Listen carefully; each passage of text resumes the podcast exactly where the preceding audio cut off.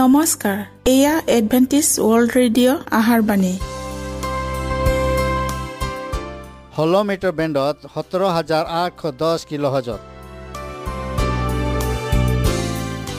Adventist world Radio যোগে অসমীয়া ভাষাত প্ৰচাৰিত আহাৰ বাণী প্ৰত্যেক বুধবাৰ আৰু দেওবাৰ সন্ধিয়া সাত বজাত আহাৰ বাণী শুনাৰ পিছত আপোনালোকৰ কিবা মন্তব্য আৰু প্ৰশ্ন থাকিলে আমালৈ এই ঠিকনাত লিখক। আমাৰ ঠিকনাটি হৈছে Adventist world radio' seven day Adventist মণ্ডলী অসম শাখা লতাকাটা বশিষ্ট গুৱাহাটী সাত আঠ এক শূন্য দুই ন।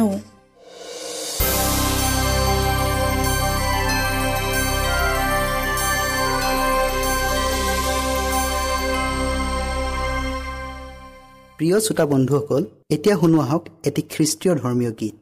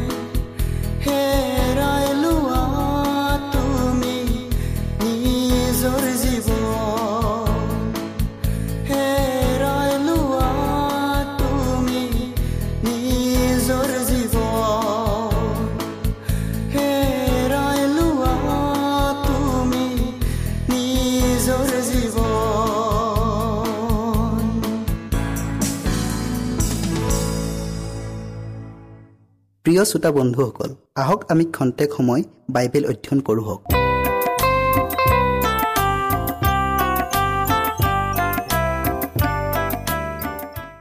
আজিৰ আমাৰ বিষয়টি হ'ল সংকটৰ সময় কিয় প্ৰয়োজন হ'ল? শাস্ত্ৰ পদ লোৱা হৈছে গীতমালা ছয়চল্লিছত এক পদ। ঈশ্বৰ আমাৰ আশ্ৰয় আৰু বল। সংকটৰ কালত তেওঁক বিচৰা মাত্ৰে পাব পৰা ঈশ্বৰ। আমি প্ৰাৰ্থনা কৰোঁ হওক। সেই কৰোণাময় ঈশ্বৰ যে হোৱা ধন্যবাদ প্ৰভু। আকৌ এই সুন্দৰ সময় আমাক দিয়াৰ বাবে। প্ৰভু আজি আমি যি বিষয়টিলৈ অধ্যয়ন কৰিবলৈ আগবঢ়াইছোঁ সেই বিষয়টিলৈ জানিবলৈ আমাক জ্ঞান আৰু বুদ্ধি দিয়া। বিশেষ প্ৰয়োজনীয় পবিত্ৰ আত্মা প্ৰত্যেক শ্ৰোতাৰ লগত থাকিবলৈ দিয়া। যীশুৰ নামত খুজিলোঁ আমেন। যদিও ঈশ্বৰৰ লোকসকলক তেওঁবিলাকক সমূলি ধ্বংস কৰিব বিচৰা শত্ৰুবোৰে চাৰিওফালৰ পৰা আগুৰি ল'ব। তথাপি তাৰ বাবে উদ্ভৱ হোৱা শাৰীৰিক আৰু মানসিক দুখ সত্যতাৰ বাবে পোৱা মাৰাত্মক তাৰণাৰ সমান নহ'ব। তেওঁবিলাকে এই বুলি ভয় খায় যে যাচোনা প্ৰত্যেকটো পাপৰ বাবে অনুতাপ কৰা নহ'ল। যাচোনা তেওঁবিলাকৰ কিবা এটা ভুল থাকি গ'ল যাৰ বাবে ত্ৰাণকৰ্তাজনাৰ প্ৰতিজ্ঞাৰ সিদ্ধতাক উপলব্ধি কৰিবলৈ তেওঁবিলাকে অসফল হ'ল। জিহুৱায়ে কৈছে তুমি মোৰ ধৈৰ্যৰ কথা পালন কৰাত যি পৰীক্ষাৰ কাল পৃথিৱী নিবাসীবিলাকক পৰীক্ষা কৰিবৰ কাৰণে গোটেই জগতৰ ওপৰলৈ আহিবলৈ উদ্যত আছে। সেই কালৰ পৰা ময়ো তোমাক ৰক্ষা কৰিম। যদি তেওঁবিলাকে পাপ ক্ষমাৰ নিশ্চয়তাক অনুভৱ কৰিব পাৰে তেন্তে এনে মানসিক দুখ বা মৃত্যু ভয়ত তেওঁবিলাকে ডুব গৈ থাকিব নালাগিব। কিন্তু তেওঁবিলাক যদি অযোগ্য বুলি প্ৰমাণিত হয় আৰু তেওঁবিলাকৰ নিজৰ ত্ৰুটিপূৰ্ণ চৰিত্ৰৰ দ্বাৰাই নিজৰ জীৱন হেৰুৱাই লয়। তেতিয়া ঈশ্বৰৰ পবিত্ৰ নাম নিন্দিত হ'ব। প্ৰতিটো ক্ষণতে তেওঁবিলাকে বিশ্বাসঘাতকতা ৰাজদ্ৰোহৰ জ্বৰ যন্ত্ৰৰ মাত্ৰ মাত শুনিবলৈ পায় আৰু বিদ্ৰোহৰ সক্ৰিয় কাৰ্য দেখিবলৈ পায়। আৰু তেওঁবিলাকৰ ভিতৰ চোৱাত এনে এক ইচ্ছা এনে এক আত্মাৰ আসক্তি অনুৰাগ জাগি উঠে যেন পাৰিলে এই মহাধৰ্মভ্ৰষ্টতাক মহিমূৰ কৰি পেলাব যেন দুষ্টবিলাকৰ সকলো দুষ্টতাক সদাকালৰ নিমিত্তে অন্ত কৰি পেলাব। কিন্তু এনে বিদ্ৰোহৰ কাৰ্য বন্ধ কৰিবলৈ যেতিয়া তেওঁবিলাকে ঈশ্বৰৰ গুৰিত প্ৰাৰ্থনা কৰে তেতিয়া সূক্ষ্মতাৰে বিচাৰ কৰিব সূক্ষ্মতাৰে বিচাৰ কৰিলে দেখা পায় যে তেওঁবিলাকে আত্মা নিন্দা কৰাটো কিমান প্ৰয়োজনৰ কাৰণ। ইয়াক দমন কৰাটো তেওঁবিলাকৰ পক্ষে অসম্ভৱ। আৰু অধাৰ্মিকতাৰ অতি শক্তিশালী শিকলি ছিঙিবলৈ ঈশ্বৰৰ সহায় লোৱাটো কিমান দৰকাৰী। এনে অনুভৱ আহিলে তেওঁবিলাকে দেখা পাব যে কৃষ্টৰ পৰিচৰ্যাত তেওঁবিলাকে কিমানখিনি নিজৰ পাৰদৰ্শিতাক ব্যৱহাৰ কৰিলে আৰু যদি এইদৰে তেওঁ থাকি কাৰ্যক্ষেত্ৰত আগবাঢ়ি গৈ থাকে। তেন্তে তেওঁবিলাক শক্তিমন্তৰ পৰা শক্তিমন্তলৈ উন্নীত হ'ব আৰু তেওঁবিলাকৰ বিৰুদ্ধে থিয় হোৱা ছয়তানৰ শক্তি দ্ৰুত গতিত ত্ৰাস পাই গৈ থাকিব। তেওঁবিলাকৰ অতীতৰ অনুতাপিত বহু পাপ দেখুৱাই তেওঁবিলাকে ঈশ্বৰৰ গুৰিত ক্ৰদনেৰে প্ৰাৰ্থনা কৰে আৰু ত্ৰাণকৰ্তাজনাৰ প্ৰতিজ্ঞাৰ দৰে কাৰ্য কৰিবলৈ বিনম্ৰতাৰে আবেদন কৰে। সি মোৰ পৰাক্ৰমত আশ্ৰয় লওক মোৰে সৈতে সন্ধি কৰক এনেকি মোৰে সৈতে সন্ধিয়েই কৰক যিচয়া সাতাইছ অধ্যায়ৰ পাঁচ পদত। তেওঁবিলাকৰ প্ৰাৰ্থনাৰ উত্তৰ সোনকালে নিদিলেও তেওঁবিলাকৰ বিশ্বাস দুৰ্বল নহ'ব। মানসিক শাৰীৰিক দুখ উৎকণ্ঠা ভয় আৰু নৈৰাক্ষতাৰ মাজতো তেওঁবিলাকে ঈশ্বৰৰ গুৰিত প্ৰাৰ্থনা কৰিবলৈ নেৰিব। জাকবে সেই স্বৰ্গদূতজনক খামোচ মাৰি ধৰাৰ দৰে তেওঁবিলাকেও ঈশ্বৰৰ শক্তিত খামোচ মাৰি ধৰি থাকিব আৰু তেওঁবিলাকৰ আত্মাৰ ভাষা এনেধৰণৰ হ'ব। আপুনি যদি মোক আশীৰ্বাদ নকৰে মই আপোনাক যাবলৈ এৰি নিদিওঁ। সেই সংকটৰ সময় অতি নিদাৰুণ হ'লেও তাৰ মাজেদি এই কৃষ্টৰ দৰে চৰিত্ৰ আমি লাভ কৰিব লাগিব। ছয়তান আৰু তাৰ প্ৰলোভনক পৰিত্যাগ কৰিবলৈ ঈশ্বৰৰ লোকসকলৰ বাবে ইয়াৰ মাজেদি যাবই লাগিব। লোক ওঠৰ অধ্যায়ৰ সাত আৰু আঠ পদটো আকৌ আমি পঢ়োঁ হওক তেন্তে ঈশ্বৰলৈ দিনে ৰাতিয়ে কাকুতি কৰা। তেওঁৰ যি মনোনীত লোকৰ ভালৰ অৰ্থে তেওঁৰ শত্ৰুক শাস্তি দিবলৈ পলম কৰে তেওঁ অন্যায়ৰ প্ৰতিকাৰ কৰি সেই লোকক উদ্ধাৰ নকৰিবনে? মই তোমালোকক কওঁ তেওঁ বেগেতে অন্যায়ৰ প্ৰতিকাৰ কৰি তেওঁলোকক উদ্ধাৰ কৰিব। সংকটৰ সময়ত ঈশ্বৰৰ লোকসকলৰ যদি কোনো স্বীকাৰ কৰি নোলোৱা গুপ্ত পাপ থাকে তেতিয়া তেওঁবিলাকৰ ওপৰত দুৰ্গতি আহিলে। তেওঁবিলাকে ভয় আৰু মানসিক চাপত বিফল হৈ পৰিব। হতাশ আৰু নিৰাশাই তেওঁবিলাকৰ বিশ্বাস চূৰ্ণ বিচূৰ্ণ কৰি পেলাব। আৰু উদ্ধাৰৰ বাবে ঈশ্বৰৰ গুৰিত প্ৰাৰ্থনা কৰিবলৈ তেওঁবিলাকৰ দৃঢ় বিশ্বাস নাথাকিব। কিন্তু তেওঁবিলাকৰ অযোগ্যতাৰ বিষয়ে যদি তেওঁবিলাকে জানে আৰু গভীৰভাৱে অনুভৱ কৰে তেন্তে তেওঁবিলাকে নিজৰ কোনো এটা ভুল ক্ৰুটিকে লুকাই নাৰাখিব। তেওঁবিলাকৰ এই পাপ বিশ্বাৰৰ আগতে নিষ্পত্তি কৰা হ'ল আৰু মচি পেলোৱা হ'ল। আৰু তেওঁবিলাকে ইয়াক সোঁৱৰণো কৰিব নোৱাৰিব। প্ৰিয় শ্ৰোতা বন্ধুসকল নিজকে খ্ৰীষ্টান বুলি পৰিচয় দিয়াত যিসকল খ্ৰীষ্টানে সেই ভয়ানক অন্তিম সংঘৰ্ষত নিজকে প্ৰস্তুত নকৰাকৈয়ে অৱতীৰ্ণ হ'ব তেওঁবিলাকে নিৰাশাৰ মাজতো অত্যন্ত দুখ আৰু বিননিৰে নিজৰ পাপবোৰ স্বীকাৰ কৰি ল'ব। আনফালে দুষ্টবিলাকে সেই সময়টো আপোনময় মতালি দেখুৱাব। জাকবৰ ইতিহাসো এইটো নিশ্চয়তা প্ৰদান কৰে যে যিসকলে প্ৰতাৰিত হ'ল আৰু পৰীক্ষাত পৰি পাপত অতীত হ'ল তেওঁবিলাক সকলোকে ঈশ্বৰে দলিয়াই পেলাই নিদিব। বৰং সেইসকলৰ মাজৰ পৰা যিসকলে প্ৰকৃত অনুতপ্ত হৃদয়ৰ সহিত তেওঁলৈ ঘূৰি আহিব তেওঁবিলাক সকলোকে তেওঁ আঁকোৱালি ল'ব। যেতিয়া ছয়তানে এনে শ্ৰেণীৰ মানুহক ধ্বংস কৰিব বিচাৰে তেতিয়া এনে সৰ্বনাশৰ সময়ত তেওঁবিলাকক সান্তনা আৰু সুৰক্ষা দিবলৈ ঈশ্বৰে তেওঁৰ দূতগণক পঠিয়াই দিব। ছয়তানৰ আক্ৰমণ অতি ভয়ংকৰ আৰু আকৰ গোচ তাৰ প্ৰবঞ্চনা অতিশয় মাৰাত্মক। কিন্তু ঈশ্বৰ জীহুৱাই নিজৰ লোকবিলাকৰ ওপৰত নজৰ ৰাখে আৰু তেওঁৰ কাৰণে তেওঁবিলাকৰ বিননি শুনে। তেওঁবিলাকৰ দুখ যাতনা অৱৰ্ণনীয় তাৰণাৰ প্ৰচণ্ড জুই শিকাই যেন তেওঁবিলাকক গিলি পেলাব।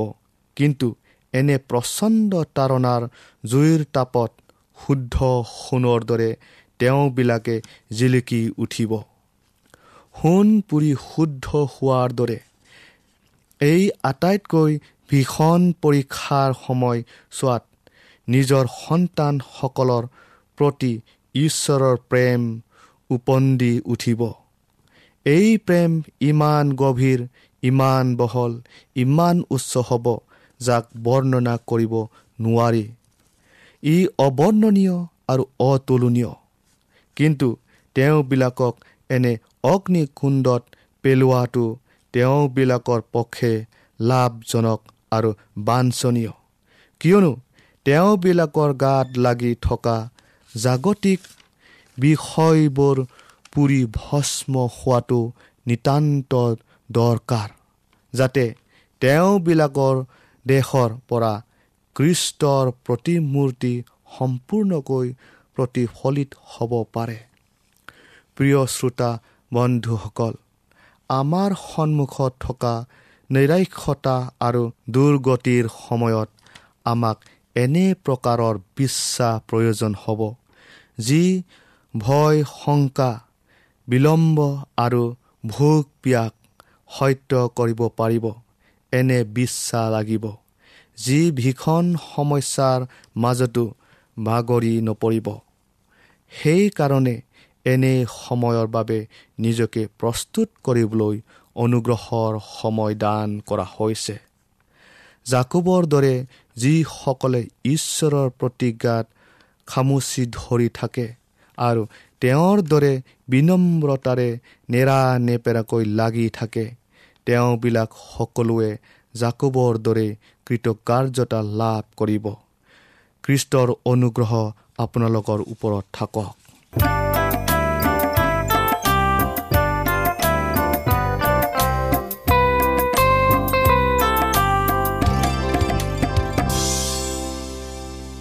ইমানপৰে আমি বাইবেল অধ্যয়ন কৰিলোঁ। এতিয়া আকৌ শুনো আহক এটি খ্ৰীষ্টীয় ধৰ্মীয় গীত।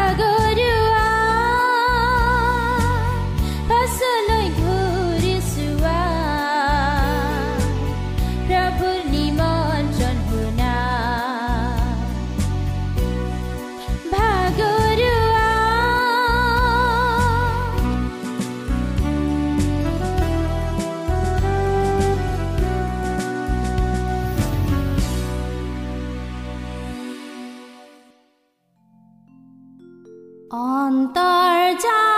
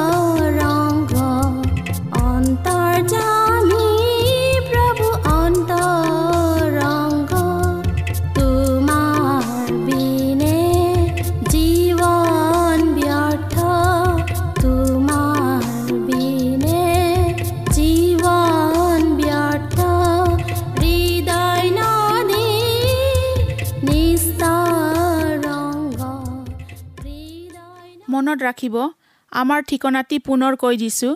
Adventist world radio' Assam region of seven day Adventist voice of hope লতাকটা Basistha Guwahati seven eight one zero' two nine প্ৰিয় শ্ৰোতা বন্ধুসকল এডভেণ্টিজ ৱৰ্ল্ড ৰেডিঅ' যোগে আহাৰবাণী প্ৰচাৰত আপোনালোকক পুনৰ লগ পোৱাৰ আহাৰে আজিলৈ সামৰিলোঁ। ধন্যবাদ।